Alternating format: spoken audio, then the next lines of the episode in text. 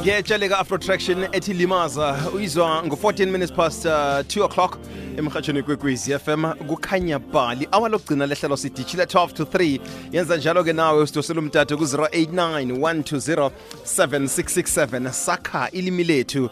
Ngikhama nobranco nkambule umsuthu ukhona ehlelweni sidishile ehlelweni sakha ilimi lethu namhlanje si-089 1207667 sifuna kube nguwe kobuzako kufuna sifuna bona kube nguwe oveza lokho ofuna ukukuveza mayelana nelimi lesindebele nalokho ocabanga ukuthi ngathani kuyalungiswa nalokho ofuna ukukuzwisisa ngconywana namhlanje si eh ehlelweni sakha ilimi lethu. Msuthu mhlalukwane. vukani mna kuthi singezwa ngakini nabalaleli bakho? Thina siphaphamile kunjalo. Siyathokoza. Msuthu ngaphambi koba nasithatha umlaleli lapha ngicabanga ukuthi nasinto nawe uyitshejile into yokubana indlela ekuhlolwa ngayo isindebele. Kodwa enkundleni zo eh, enkundleni zokuthindana ngitsho lapha nabane ba- ne- ne- nekuyindlela abantu abafunda isindebele abahlola ngayo. Ikhamba idanise lapha nalapha. Angazi ukuthi ngiyibone ngiyacabanga ukuthi ibonile kodwa into engiyitshejileko leyo ukuthi ufumana umuntu ahlola isindebele mhlawumunye singakhe sibalibalele abantu ah, ezange benze isindebele esikolweni. Bazi ukusikhuluma bazi ukusihlola kodwa-ke indlela esisihlola ngayo ikhambi yadanisa lapha nanapha msuthu awa mina haye ngithi ngendlela abantu othola batlole ngakho lapha enkundleni zokuthintana umuntu utlole ngendlela akhuluma nangendlela aphimisa ngayo. Bese kungirare mzukwana umuntu atlole ngendlela engasiso isindebele nawuthi hawatlola njathi mina khange ngafunda isindebele. Bese ngithi mina tlola ngendlela ophimisa ngayo. Kimi ke ayengazi ukuthi lokho kuzokutsho ukuthini. Akhe ngenze isibonelo bonyana ngithini. Umuntu mhlawumnye kuza kufanele nakatlola isi- i- i- i- isikhathi eh njengoba ngithi mina isikhathi bese yena athi isk bese sithi hawa nasihlolako sifaka nasihlolako sifaka u-i. Bese ke nasithi isikhathi njalo njenganyana ngikhuluma nangihlolako ngithi isikhathi. Bese umuntu nakahlolako mhlambe athi eh utsho ukuthini? Bese athi usho ukuthini? Bese nawuthi eh kuba yini ungakathi TJH atawa akhange ngafunda isindebele nayo ihlole ngendlela oyiphimisa ngakho. Bese kwesibili iba sekulumeni yokuthi lapha eh aba si- sisakatelela bonyana nasihlola umuntu umntazana simhlola ngo-d ngombana ukwakhiwa kwelimi kubonakele bonyana ngelimi lesindebele nguthi. Bese ngithi mina awa nokho iqiniso a- asinalo. Ngombana l- lesa sikhathi kungakabumbeki ukuhlola kwesindebele kungakabumbeki u-rh kurha kusese no-kg kungakabumbeki u-tjh sekabumbekile lezo uyazivuma. Le awuyivumi ngaliphi. Kimi haye kube ukuthi eh, nokho kunganaqiniso ngombana kufuze ujame entweni eyodwa. Nangabe uthi eh mina nangithi ha mina ngazi ukuthi kungu-kg uhlanganaphi no-rh mina ngithatha ukuthi na kumuntu esineqiniso lapha enkundleni zokuthintana angihlale phezu kwalokho engikholelwa kikho ngombana isizathu sokuchugululwa kwakho sifana nalesi ekubekwe ngaso ichugululo leli elikhona. Nalokho esikhulume kaningi abalaleli bahle bakubuza eh, okukubili kokuthoma ngokwe isibonelo sokuthi amanzi unzunza. Ipimiselo yakhona iyafana. Lokho asikho nesincane isizathu esenza bona ukupeledwa kwaso kungafani. Eh, eh, eh, enye ibe no D bese enye ingabi no D kodwa sibona lapha enkundleni zokuthintana umuntu ukwazi ukuhlola nakathi kunzima afake u D bese ke enye ke ekhona iba ngiyo le umbuzo ohlale ukhona nalapha emoyeni thola ukuthi si- sihlangana nawo. Okumbuzo umuntu uzokusolo abuza athi mberego nofana ku- m- nofana msebenzi na? Msebenzi, iyo. bese mina ngithi eh njengoba nakuyabonakala bona elithi umberego libuyaphi bese ngibuza umbuzo onjengokuthi eh kuba yini ke eh uyo- uyo- nga- akhe ngibe ukuthi uyokuhlukanisa njani ke la uyokuthi kuba yini nofana uyokuthi? Wukom kuwukom abanye abanye bathi kom njengo K O M abanye wukom njengo H U abanye wukom njengo W U. Ngikuphi ke okusindebele? Bese iba ukuthi ogandelela umuntu agandelele ukuthi bereka mina ngazi njalo. Ngamanye amagama usatsho njalo na uthi wukom mina ngazi njalo? Mhm. Mhm. Mhm. mina ngibona singanaqini. U- usakhulumisa ukukom lo no njani? Akuna unjani? Njani iye njani akuna ayi akuna Aku- Eh, yazi ang- ang- angithola ukuthi yinto esuke laphi ke nakube ukuthi sithatha yona i- ihlathululo ilethako le yokuthi indlela mhlawumnye umuntu akhuluma ngayo. Nasikhuluma kusithi njani? Awa kodwa ngeze sathi indlela umuntu akhuluma ngayo mina hayi ngithi-ke kuyindlela abantu abatsha abathanda ukukhulumisana ngayo nabalapha enkundleni zokuthindana bese ngithi itsho ukuthini ekufunde ekufundisekeni kokuhlolwa kwelimi lesindebele ukuya phambili ngoba na leli kulilimi elisathuthukako. Lihlezi phezu kwendlela phezu kwabantu ukulisebenzisa kwabo bonyana liphumelele liye phambili. Ayisilo ilimi naselinjalo.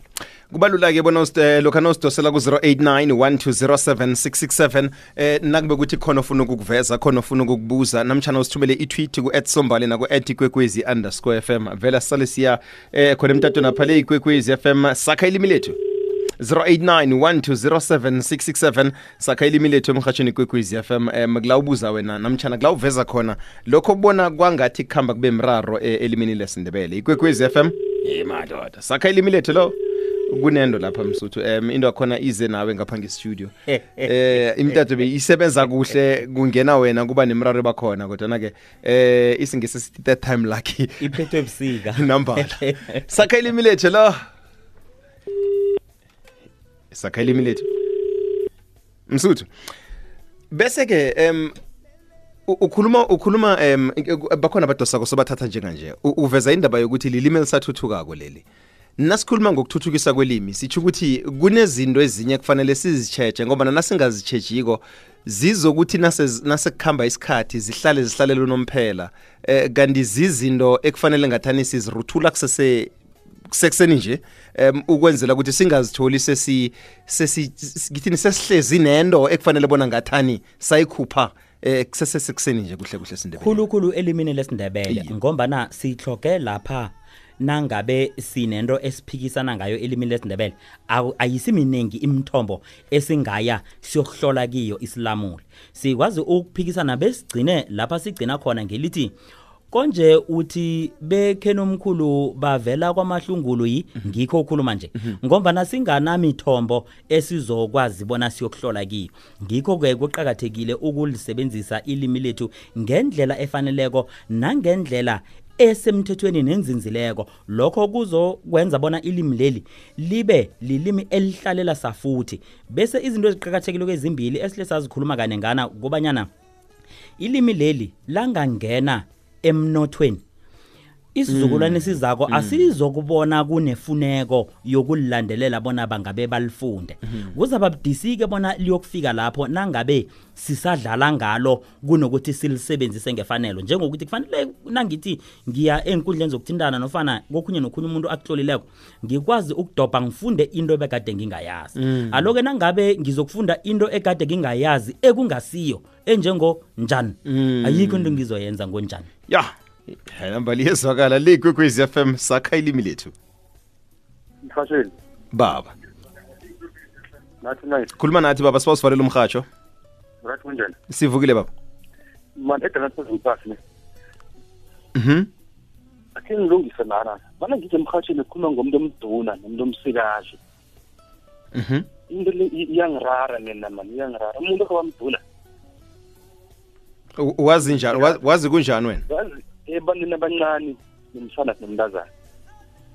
Ebantwini abakhulu sinomuntu ongubo newembaji ukuthi umuntu omduna umsikazi angiyazi mina but angisho ukuthi mhlawumbe iya ke, unga- ungakabeki phasi angithi ikulumo yesintu yona kusuke ikhambisane nokuhlonipha. Ukuhlonipha kwenza sijugulule indlela esibiza ngayo izinto kodwana ukhumbule bonyana na ukhuluma ngengubo ukhuluma ngembaji ukhuluma ngezinto ezize namakhuwa uyokuthi umuntu ngaphambi kokuthi kufike imbaji. Ya. Bekade angekho umuntu loyo. Umuntu loyo uze nembaji. Nofana umzulu- umuntu loyo uze nengubo. Aloke sayi- sa- sayihlathulula njalo. Izosichiya ngombana eh, uthola na ukhuluma ezingeni elinjengelemhathweni ukhuluma ilimi elisetshenziswa ekufundeni nekuhlolweni aloke kuyokuya ngekulumo umuntu avane ayikhuluma bona ikhuluma ithini. Ikulumo ethi bekufuze ayihloniphise ayembathise nofana ikulumo ebekufuze ayibeke ngendlela ingakho na? Msuthu. Baba. Siyathokoza baba. Em bese ke sisakhulumisa indaba yokufundwa kwelimi lesindebele. Sihloniphisana kwenze njani? Kuba kunini la siyibiza khona into ngendlela engayo? Ngikwenzela isibonelo. Ujaji unkola mutata kwakuthiwa weqiwe mabele. Omunye umuntu angayibeka njalo uweqiwe mabele. Kodwana isenzo leso sikudakwa. Sihlonipha nini? Sihlonipha ihlonipho esiyisebenzisa kule iya ngokuthi sikhuluma nge, nge ngithini ngesingisi mhlamisa ukuthi nge-context yiphi? Namtshana sihlonipha nanyana kunjani? Ngombana nje umuntu wamkhulu sihlonipha. Ngitsho msuthu ngombana kunezinto eziningi esingazibiziko thina simandebele ngelokuthi siyahloniphisa. Kanti kuba yini sihloniphise nala kufanele ngathana into siyibiza? Ngegama layo. Kungombana ungayibiza wena uthi mina ngifuna uyibiza ngendlela ingakho uzithele ihlazo ngoba umphakathi wethu umphakathi owakhelwe phezu kwehlonipho. Sikhu- sikhul- sikhuluma ngokufunda lokho uceda ukukuveza njenganje emlaleleni nodenelton iya. Iye. ikulumo izaba ukuthi indaba oyikhuluma leyo iyiqiniso kodwa akusuwe okufuze ukhulume njalo ngokwehlonipho yokukhuliswa kwethu. Wena ungathi uyibeka ngendlela engakho uzithele ngehlazo njengokuthi na ukhulume ngomuntu omkhulu wathi umuntu omkhulu udakiwe ayiseyokuba yindaba yokuthi uthe aza kudakwa enze njalo iyokuba indaba yokuthi uthe aza kuba mntwana akhulume njengobana akhuluma nje. Bakwabo ngebakuphi bavelaphi ukhuliswe ngubani? Ukhule njani? Akusakhulunywa ngale nto ngeqiniso leli obukade uthi uyalikhuluma. Kungombana indlela yokukhuliswa komntwana womuntu onzima injalo. Ngisuthi a- angikuphikisi lokho ngivuma nawe kodwana ngibiyela kodwa emagameni akho. Uthe wena sikhuluma ngelimi elifundiswako lapha. Sikhuluma ngelimi sakha ilimi lapha. Nasakha ilimi iye khona kunezinto ezifana nalezi kufanele sizicale kufanele sizitsheje kodwana nasikhuluma ngelimi ubunjalo balo. Sin- si- si- sigcine sikhamba sifihla nala kufanele ngathana sifihle khona. Kunjalo njengoba nombuzo wakho uthi silisebenzisa kuphi? Ekulisebenziseni iba kukuthi ukwibuphi ubujamo bonyana ungalikhuluma? Ngisemhathweni ngikhuluma ama-facts ngi- ngi- ngiyibeka ngendlela engakhona. Ukhuluma ngomuntu ongangani? Ngikhuluma ngomuntu owenze isenzo esithileko. Uzitho- Asi- asibeke umuntu sicala isenzo njenganje sikhuluma ngesenzo esithileko. Is- nokho isinto sona siyokuthi ngaphambi kokuthi wenze ukhulume Iye. uthome uziqale wena bona ujamephi. Nangabe mhlawumnye sizokufika ke sifunde indaba eh sikhuluma lapha ngokuthi amapholisa avala indlela afuna abatshayela badakiwe awayiyamukeleka nokho wathi amapholisa avale indlela alindele ubaba uzibani ngombana kuzwakele bona utshayela adakiwe. Khibe solo ukhuluma ngento eyodwa. Msuthu- nokho kunento ekatelelako bonyana kuzokufanele uyikhulume ngendlela Le- ehloniphekileko. Le izokufuna siyenzele ilanga msuthu ngoba ngikholwa ukuthi nas- nakuba ukuthi siyocala ubujamo bakhe bona bujamo obunjani empilweni nekukhulisweni kwethu kufanele sitsho then ukuthi nesenzo sakhesi kufanele kube nala simehlisa khona simsuse la hlonitshwa khona ngale ndlela simbeke la la sesikhuluma khona ngesenzo esisingasakhulumiye eh, ngaye eh sikhuluma ngesenzo. Asikhulumi ngaye yena uba umuntu okhona esenzweni apha kodwa sikhuluma ngesenzo. Ngikuzwa khulu izoba ukuthi mhatsho ozabe umkhuluma njalo izabe ingasi ngunkosi nathi nduli nokho unkosi nathi nduli njengomntwana wendebele kuzokukhumbuleka bona umntwana ngeze ayikhuluma ayibeke pha ngendlela ayibeke ngakho njengokuthi sokuthi angayibeki bhamba ngendlela ayibeke ngakho. Ngivuma nawe-ke bese siya e- e- ezithweni zomzimba.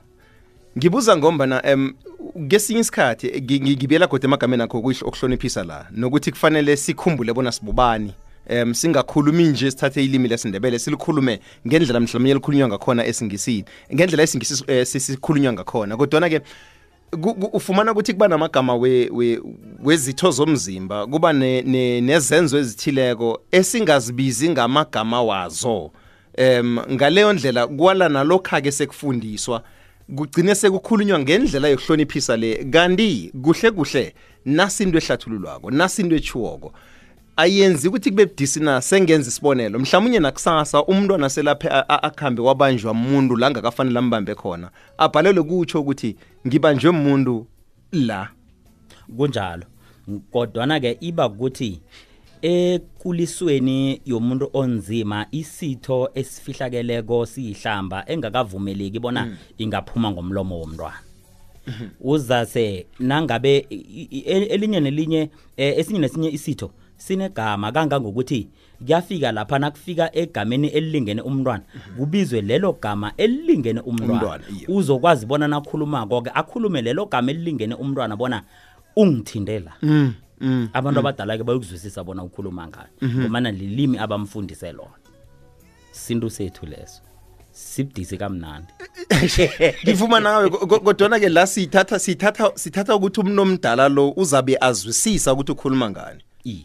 Sithatha njalo. Kulimi afundiswe lona umntwana lo. Siyazi bonyana abantu abadala siwukhuluma. sekungimi nawe njenganje kunjalo. Akusasiba asasikhulumi ngabantu abaneminyaka emashumi asithandathu kangangokuthi ngikutshela na uhlezi ngikhaya pha ubukele umabona kude nabathoma bakhuluma lezi zinto na ungayicimiko ungayijugululiko uyasikima umchiye lapho umqotha uzumqotha kambule wz at sabc co za ntuli nw at sabc co za sakha ilimi lethu half past two o'clock sasilindi T